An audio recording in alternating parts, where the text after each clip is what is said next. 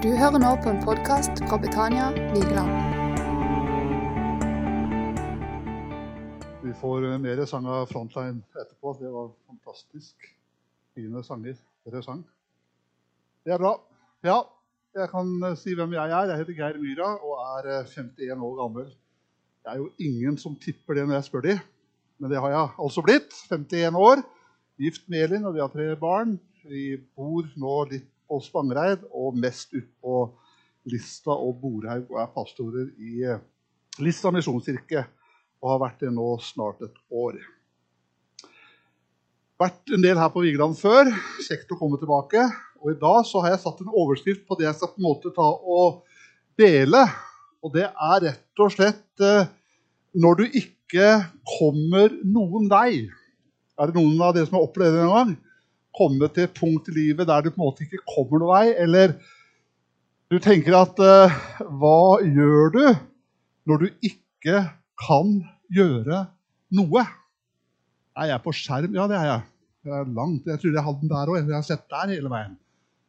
Der skal vi begynne. Ja. Sånn er det. Da har vi iallfall litt powerpoint. Jeg, jeg er ikke så veldig glad i det, men jeg må liksom bruke det nå. Det er fornyelse. Powerpoint-fornyelse. Sånn er det. Altså, Når du på en måte ikke ser neste skritt, eh, og så er det på en måte sånn at det er ikke mulig å ta noen annen vei, verken snarvei eller det er ikke noen omvei å ta. Altså, Situasjonen er på en måte som den er, og så må du stå i det om du liker det eller ikke. Men det er bare sånn det er. Er det noen av dere som har det sånn? Eller har hatt det sånn? Eller har opplevd det? For Det er jo sånn at det, det ligger jo litt i oss at det er veldig menneskelig å unngå det man ikke liker. Sånn har iallfall jeg det. Altså, Jeg liker jo ikke å gjøre det jeg ikke liker. Jeg vet ikke om du har det sånn at du liker å gjøre det du ikke liker å gjøre. Men helt fra vi var små barn, så trener vi rett og slett på det. For så husker jeg det at jeg som liten barn spiste veldig lite grønnsaker. Hvorfor gjorde jeg ikke det? For jeg likte det ikke. Eh, og så gjorde jeg veldig lite lekser. Altså, Jeg hata å gjøre lekser, for det likte jeg ikke. Og i hvert fall ikke pugge. For hva skal jeg med XY opphøyd i andre? Har du noen gang tenkt på det? Jeg har jo aldri hatt bruk for det. Men jeg måtte jo pugge livet av meg for å lære XY opphøyd i andre. Og jeg sleit så med å lære det, og jeg likte ikke det i hele tatt. Og jeg har aldri hatt bruk for det. Eller eksempel, hvorfor skal man legge seg tidlig når du liker å være oppe så lenge du har lyst og har det gøy? Hvorfor skal det være sånne teite aldersgrenser på filmer og spill? Nå snakker jeg kanskje litt om barn og ungdom og alt dette her. Altså, Jeg vil gjøre som jeg vil. Og det ligger på en måte i oss mennesker at vi har lyst til å gjøre det vi har mest lyst til å gjøre. Og noen ganger så er jo det helt greit, og det går fint, men det er ikke alltid det er sånn. Og Jeg husker også en annen ting som jeg opplevde som barn. det var at Mamma hun sa veldig ofte at du, du hvis ikke du spiser fisk, så får du struma, sa hun.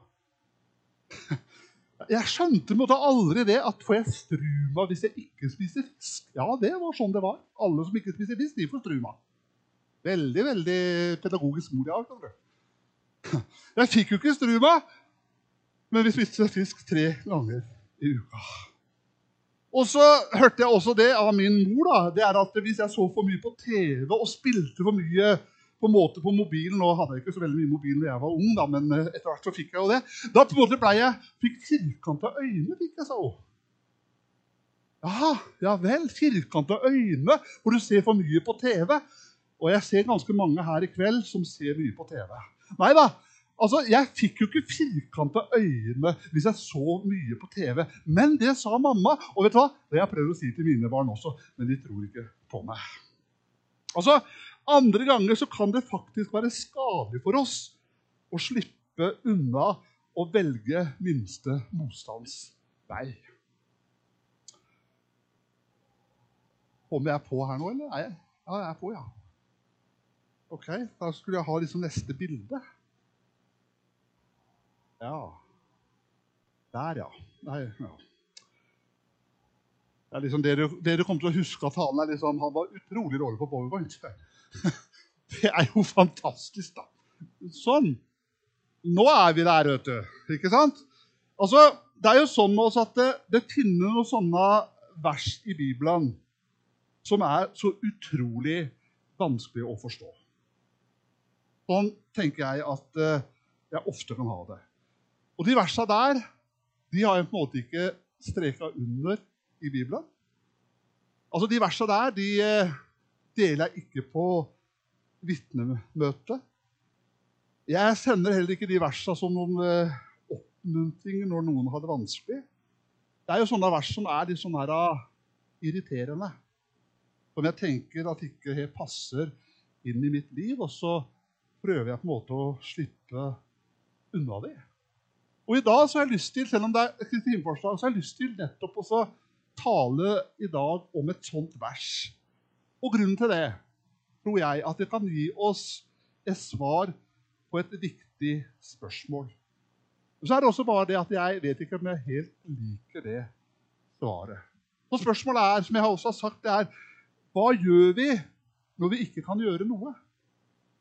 Og når det er på en måte som det er. Og så tenker jeg, Hvis jeg tenker de på en måte siste åra som jeg har opplevd nå, så har jo det vært veldig krevende år. Det har vært utrolig krevende. To år med korona, og det er også krevende på en måte i verden også akkurat nå. Det er krevende. Det er på en måte mye som skjer. Men jeg tenker liksom, denne koronatida så hadde vi liksom avlyste arrangementer. Det var stengte gudstjenester. Vi måtte, måtte stenge måte, hele virksomheten ned. Vi fikk ikke lov til å ha møter. Og så, det var veldig krevende å være pastor. altså kohorter, Jeg, mener, jeg hadde aldri hørt om det før. Men jeg kunne nesten skrive bok om kohorter. Det var jo mye rundt dette her. Det var liksom karantenetider, og så var det munnbind ja, ja, de anbefaler munnbind, men det er ikke et påbud. Og så ble det liksom vanskelig. Er det anbefaling eller er det påbud? Må vi ha munnbind, eller må vi ikke ha det? Så var det veldig veldig mange ting rundt det. Og så skulle vi på en måte holde avstand, én meter avstand. Man kunne ikke hilse på hverandre. Man kunne ikke gi hverandre en klem. Og jeg som elsker i hvert fall å hilse på mennesker, det var vanskelig. Men du måtte liksom holde én meter avstand. Og så var det dette her med vaksine, og så skulle man vente på det, og så ville man ikke ha det, og så ville man ha det, og så var det veldig. Og så var det smittebølger. da. Så kom det smittebølger. Plutselig så kunne vi åpne opp litt, og så stengte vi litt ned. Og så var det smittetopper. Altså, Jeg snakker om det livet vi har levd. Var det vanskelig? Ja, det var vanskelig. Var det krevende? Ja, det var veldig krevende. Det er til og med menigheter som ikke har klart å starte opp igjen etter korona. Og så er jeg ganske nokså sikker på også det at de fleste av oss i den perioden der hadde et møte eller to eller tre med et mindre hyggelig jeg. Kanskje det var mer uhyggelig. Ja, i dag var vi litt for mange på møtet. I dag var det litt for mye at vi var for nære hverandre. Vet du hva? Det var krevende. Takk for responsen. Hør på det verset eller hør på det brevet jeg fant på nettet. og Det var fra en gutt som hadde hjemmeskole med mamma sin. og Så rapporterer han til læreren hvordan dette her egentlig går. Og Så skriver denne lille gutten dette går ikke bra. Mamma er veldig stressa og skjønner ikke oppgavene mine. Og er det rart? Nå har vi pause, så mamma finner ut av det. Men det går ikke veldig bra. Vet du hva? Det er jo på en måte gjenkjennbart, enten du har hatt barn på hjemmeskole eller ikke følelsen av at dette her vet du hva, dette her går ikke så veldig, veldig bra. Det er frustrerende, det er skremmende, det er lite motiverende, osv., osv. Og akkurat da så dukker Jakob, bror til Jesus, opp. Han kommer med noen råd eller institusjoner om hvordan dette kan takles. Men helt ærlig, jeg synes det han sier, både er litt sånn her, tilbakelent og så er det litt sånn her, ufølsom. Og skal man bare godta? Og hva vet vel Jakob om min situasjon og mitt liv i 2022? Og Vi kan dette bibelverset. Altså, Du skal ikke bekymre deg for morgendagen, for den har nok med sin egen plage. Vi kan det på en måte uten at... Det er jo veldig fine vers. Flotte vers å høre. Men innimellom så er det ganske provoserende. Det er jo både lett å si i forbifarta Men hva vet du egentlig om min morgendag? Den kjenner ikke du. Jeg kjenner kanskje ikke så veldig godt heller, men jeg vet kanskje litt mer enn deg. Hva som møter meg, og hva jeg står i. Og på en måte Det Jakob sier til oss, det er jo litt her, litt sånn i samme leia. Men likevel så skal vi lytte litt til ham. Hvorfor skal vi lytte til Jakob? Jo, fordi Jakob han var leder for den første menigheten i Jerusalem i 30 år. De blei sett på som gudsbespottere. De var utstøtt fra samfunnet. Han så hvor vanskelig de hadde det. Og så levde han i dette i 30 år. Han var omgitt, og han var ansvarlig og en del av et fellesskap og en menighet i total krise. Og så skriver han dette, Jakobs brev, kapittel 1, og vers 1-6, der han på en måte starter Jakob, Guds og Herren, Jesu Kristi tjener. Se det bare som en glede, søsken, sier han. Ja, glede, det trenger vi.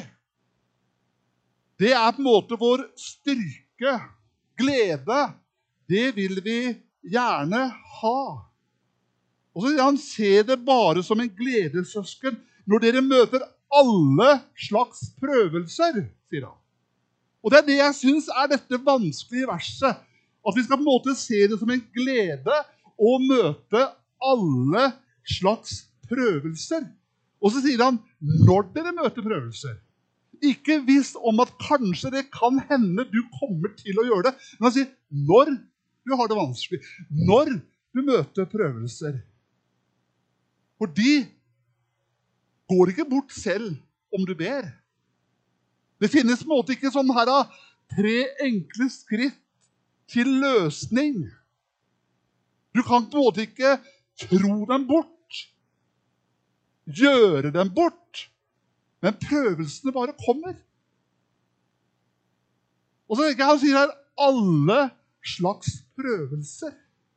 Jeg mener jeg opplever, Selv om ungene noen av de har flytta ut, så trenger de likevel en mamma og en pappa. De treffer ting i hverdagen som de syns er vanskelig. Derfor er det greit med denne telefonen.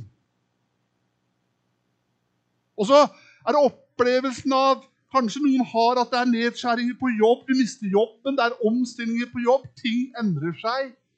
Og så får du en vond og skremmende beskjed fra legen som du ikke hadde regna med. Du håpa på at det skulle gå bra, at prøvene var fine, men så var det ikke det allikevel. Så kom den telefonen som du visste du kunne få, men som du trodde ikke skulle få. Men den kom. Hva da?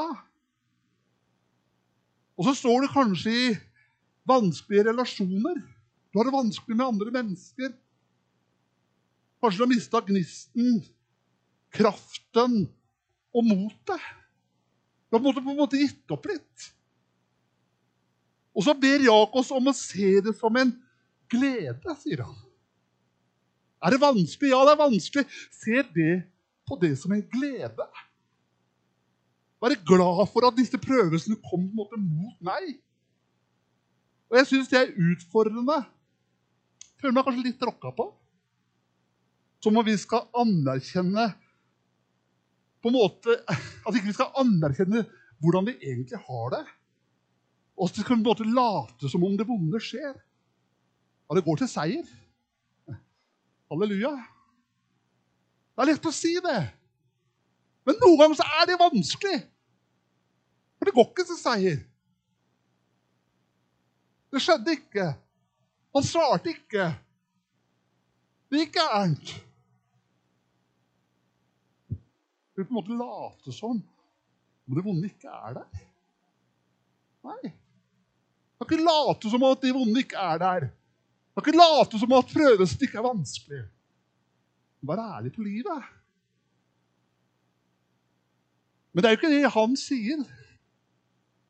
Han ber oss om å se det på.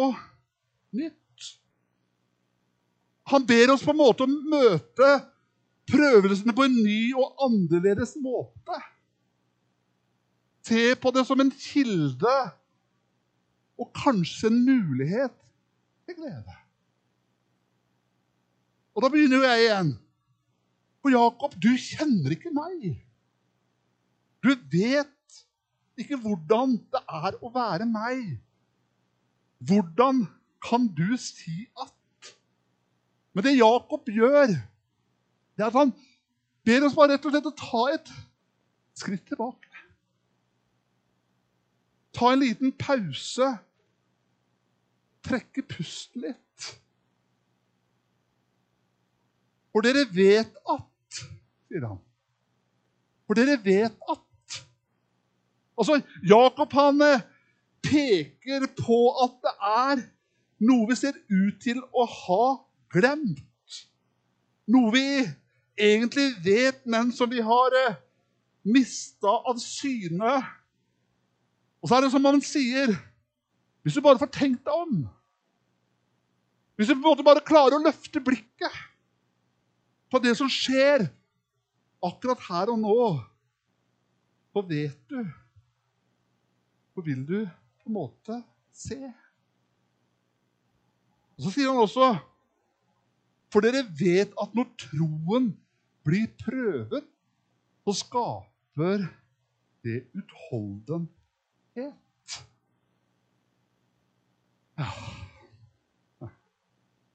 Ja, veldig dumt å preke om de vanskelige versene. Jeg vet ikke om du har på en måte gavt over for mye. Har du gjort det noen gang? Du har lagt ut på en tur eller en treningsøkt som er altfor tung for deg. Så får du litt sånn her blodsmak i munnen. Har ikke jeg opplevd det så ofte, men jeg har opplevd det. Og så puster du på en måte som en belg. altså Du bare kjenner at du, dette er krevende. Og så neste morgen så har du på en måte vondt absolutt overalt. Og du liksom ligger der og gruer deg til å gå ned trappa. Visste man ikke bedre, så kunne det på en måte være nærliggende å tro at det beste det er å holde seg unna bratte bakker og tunge løft. Men vi vet jo at det ikke er det. Og vi blir faktisk sterkere av å gjøre det. Sønnen vår Thomas han gikk mange år på karate i Mandal. Jeg kjørte han sikkert i ti år på rad to ganger i uka på karate i Mandal. Han trente veldig mye og blei veldig god. Og Det er en eh, fantastisk sport. Jeg var med på mange treninger og så de holdt på. Og jeg synes Det var fantastisk å se alle disse forskjellige graderingene og, og hvordan de på en måte lærte alle forskjellige tinga. Og når du skulle på en måte da gå fra et belte til et annet, så var de rett og slett ubarmhjertige. De burde hatt bank. Men du, du går ikke på en karateklubb og begynner å banke opp folk. liksom. Jeg har skjønt at det, det gjør man ikke. Da sliter du. Og når det var både gradering, så var de på en måte alle samla. Hele klubben. Det var foreldre, det var besteforeldre og alt som var. Og så skulle de forskjellige kandidatene da vise hva de kunne både i kata og kamp. Foran alle sammen. Og så var det basar etterpå. Og så var det da tilbakemelding. Hva som var bra, hva som var dårlig, og de som hadde klart å få et nytt belte. Og hele foreldregruppa vi satt der med en klump i halsen. For Martin han var i gang med sitt fjerde forsøk på blått belte.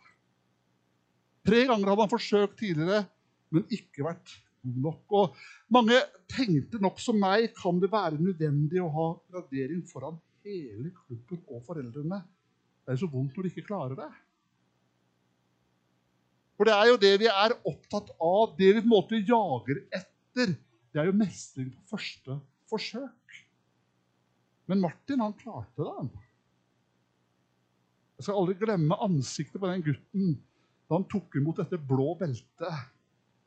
Men likevel, den største prestasjonen den kvelden var ikke at han gjorde alt rett.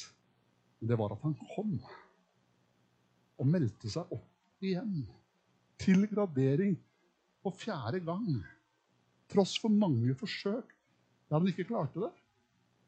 Opplevde å få dårlig tilbakemelding tre ganger før. Men så kommer han fjerde gang, og så klarer han det. På en måte, Det er litt det samme som Jakob sier. Visst er det vondt. Visst er det tøft. Det er uh, urettferdig. Det er meningsløst. Det er bare rett og slett vanskelig. Og så sier han, se det bare som en gledessøsken når dere møter alle slags prøvelser, for dere vet at når troen blir prøvet, så skaper den utholdenhet. Og vet du hva? Jeg er ikke av dem som tror at det er en mening med alt.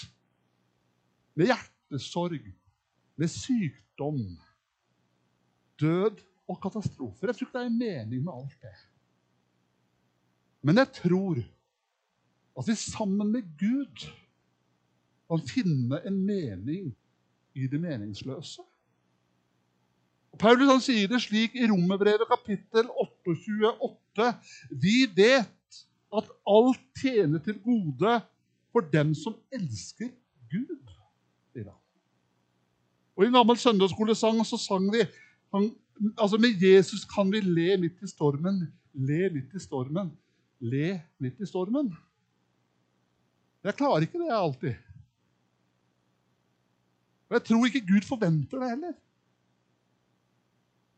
Men når det får gå en tid, så kan jeg se at det vondeste og det mest vanskelige i mitt liv har gjort meg til den jeg er.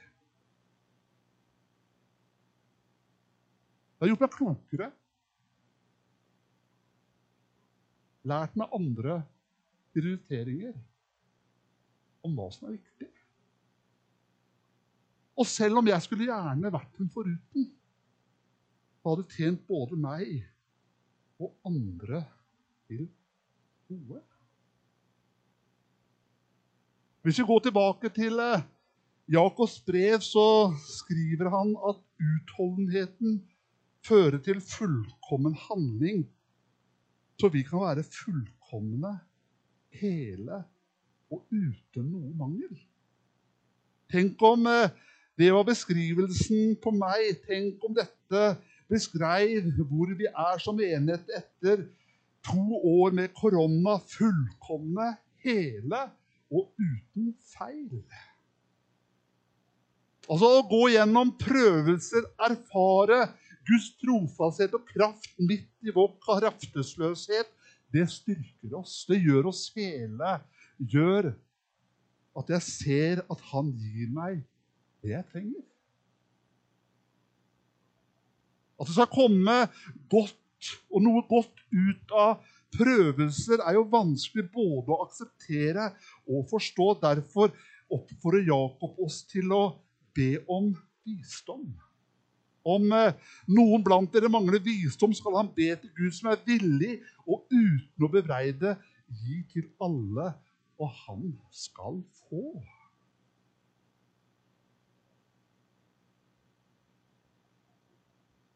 Kanskje det handler om å be Gud La meg se med dine øyne. Gud, la meg se at det er du som skaper vei i ødemarka. Gud, la meg se at du gjør noe nytt. Det jeg liker så godt med Bibelen, er at den taler så sant om livet. Når vi leser åpningen av Jakobs brev, så kan man jo få en følelse av at kristentlivet er på en måte for de sterke, de som har fått det til. Og så er det kanskje noen av oss som falmer litt rundt i mørket og fortvilelse. At vi har havna på et sånt her B-lag eller C-lag. Og så er det på en måte A-laget. Det er liksom de som har fått det til. Men vi andre som på en måte ikke klarte å få det helt til, vi, vi er litt her. Men jeg er også her. Jeg er sterk. For i Jesus sterk. Det var en eh, mektig profet i Det gamle testamentet, og det var Elia. Han var en mektig Guds profet. Du kan lese om han i eh, første kongebok 17 og utover. og Han profeterte og varsla om tørke i landet. Han levde i skjul, og Gud sørga for ham ved å sende ravner med mat til ham. Han velsigna melkekrukka til enka i Sarepta og den ble aldri tom. Og Da sønnen hennes døde, så vekka han opp han fra de døde. På Karmelfellet gjør han 450 av Balsprofetene til skamme, og Gud sender ild og regn fra himmelen når Elia ber. Og Elia han opplevde alle disse fantastiske tinga. Men likevel så ble livet mørkt og vanskelig. Og så kan vi lese fra Kongeboka kapittel 19 og fra vers 1 så står det sånn Ahab fortalte Jesabel om alt det Eli hadde gjort, og hvordan han hadde drept alle profetene med sverd. Da sendte hun eh, en mann til Elia med dette bud. Måtte gudene la det gå meg ille både nå ved siden, om jeg ikke i morgen på denne tid La det gå med ditt liv slik det gikk med profetene. Da ble Elia redd og skyndte seg av sted for å berge livet. Han kom til Berseba, som ligger i Juda. Der lot han tjenestegutten sin bli igjen. Selv gikk han en dagsreise ut i ørkenen. Og Han kom til en gyvelblusk og satte seg under den og ba om å få dø. Nå er det nok, Herre, sa han. Ta mitt liv, for jeg er ikke bedre enn fedrene mine. Så la han seg ned igjen og sovnet under gyvelbusken. Og i det samme rørte en engel ved ham og sa, stå opp og spis. Og da, ba, og da han så opp, så fikk han øye på et brød bakt på glødende steiner og en krukke med vann ved hodet sitt. Han spiste og drakk og la seg ned igjen. Men Herrens engel kom en annen gang og rørte ved ham og sa, ellers så blir veien for lang for deg. Du må på en måte bare komme deg opp, Elia. Og Da sto han opp og spiste og drakk, og styrken av maten gikk han i 40 dager og 40 netter til han kom til Guds fjell Horeb. Så tenker jeg, Når jeg leser dette, her, så er det nesten sånn her, det er vanskelig å tro at Elia nå hadde opplevd så store ting med Gud. For det handla han jo. Vanvittig store ting med Gud.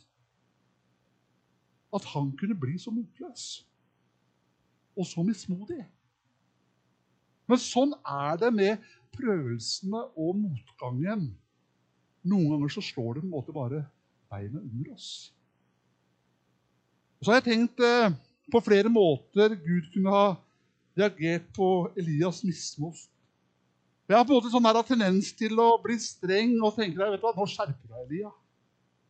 Du kan ikke ligge her. Du må ta deg sammen. Gud som har gjort så mye for deg. Da dette er takket at du legger deg ned for å dø fordi en dronning er ute etter deg. Elia, eller eh, Se her, ja. Her har du denne troskjempen ikke så mye å satse på likevel.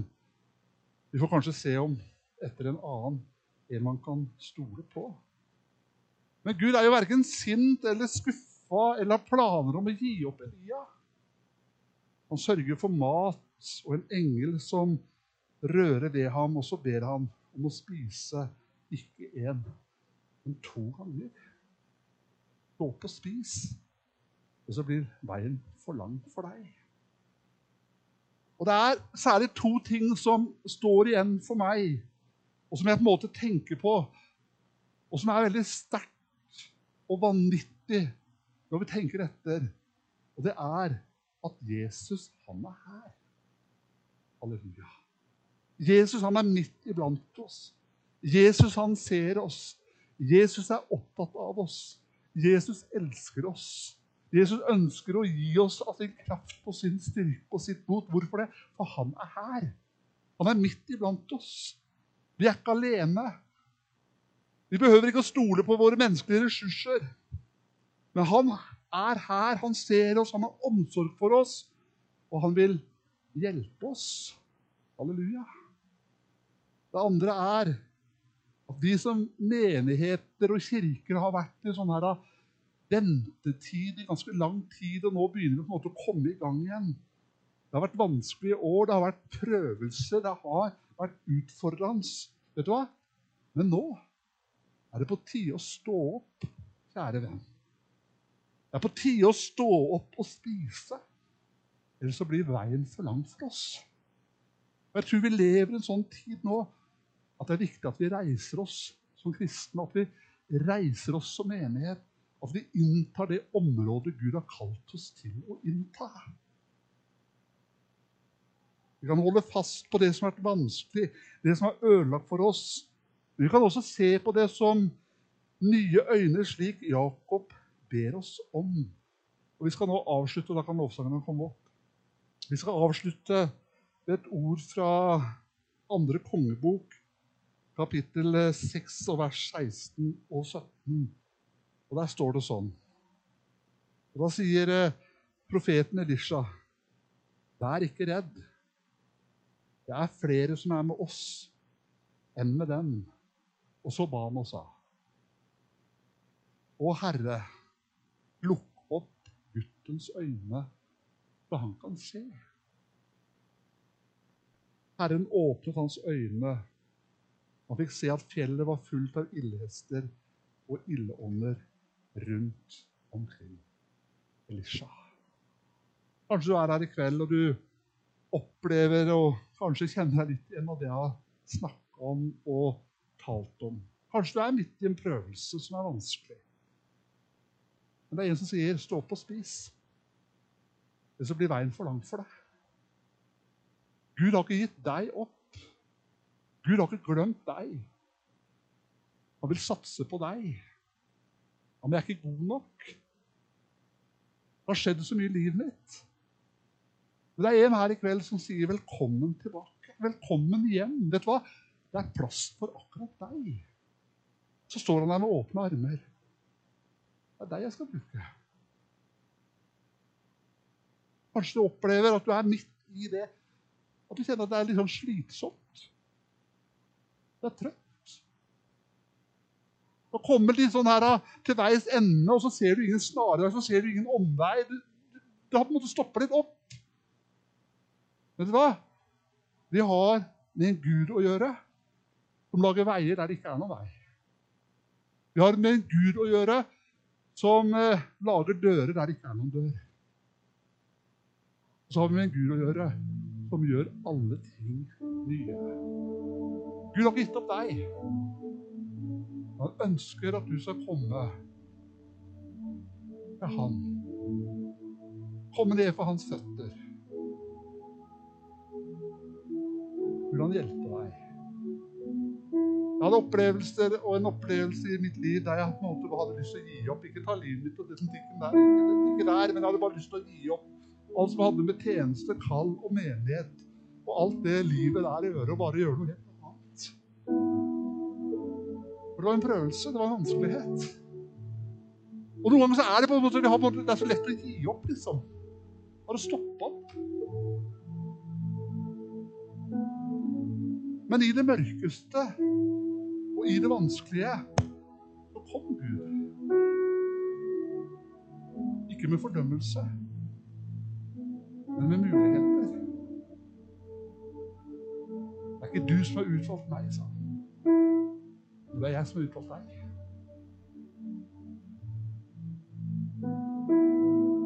Vet du hva jeg lengter etter å se? At hans menighet reiser seg i all sin kraft. At vi ser folk kommer tilbake som har bare blitt borte langs veien. De bare forsvant. De ble bare borte. Men jeg lengter etter å se en menighet som reiser seg, og en menighet som kommer igjen. Gud har ikke gitt deg opp. Kanskje du som veldig aktiv før og gjorde mange ting før. Du var liksom, og du var der sliten og trøtt og mismodig. og kom ting på. Ja, det gjorde det. Men har han slutta med sitt kall over livet litt av det? Nei. Hans kall, det ligger over ditt og mitt liv.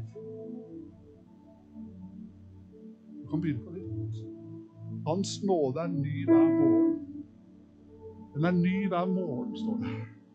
Og det er noe med denne morgenen, denne starten. Og er du her i kveld og bare kjenner vet du i kveld så vil jeg bli bedt for det, vi har forbønn, så er det åpent her framme. Kanskje så bare reise oss opp alle sammen, så skal vi synge litt. Da er du velkommen fram. Og Gud er her for å møte deg i den situasjonen du er i. Og la oss reise oss opp, og så synger vi sammen, og så går vi inn i ettermøtet. Så er du velkommen fram i Jesu navn.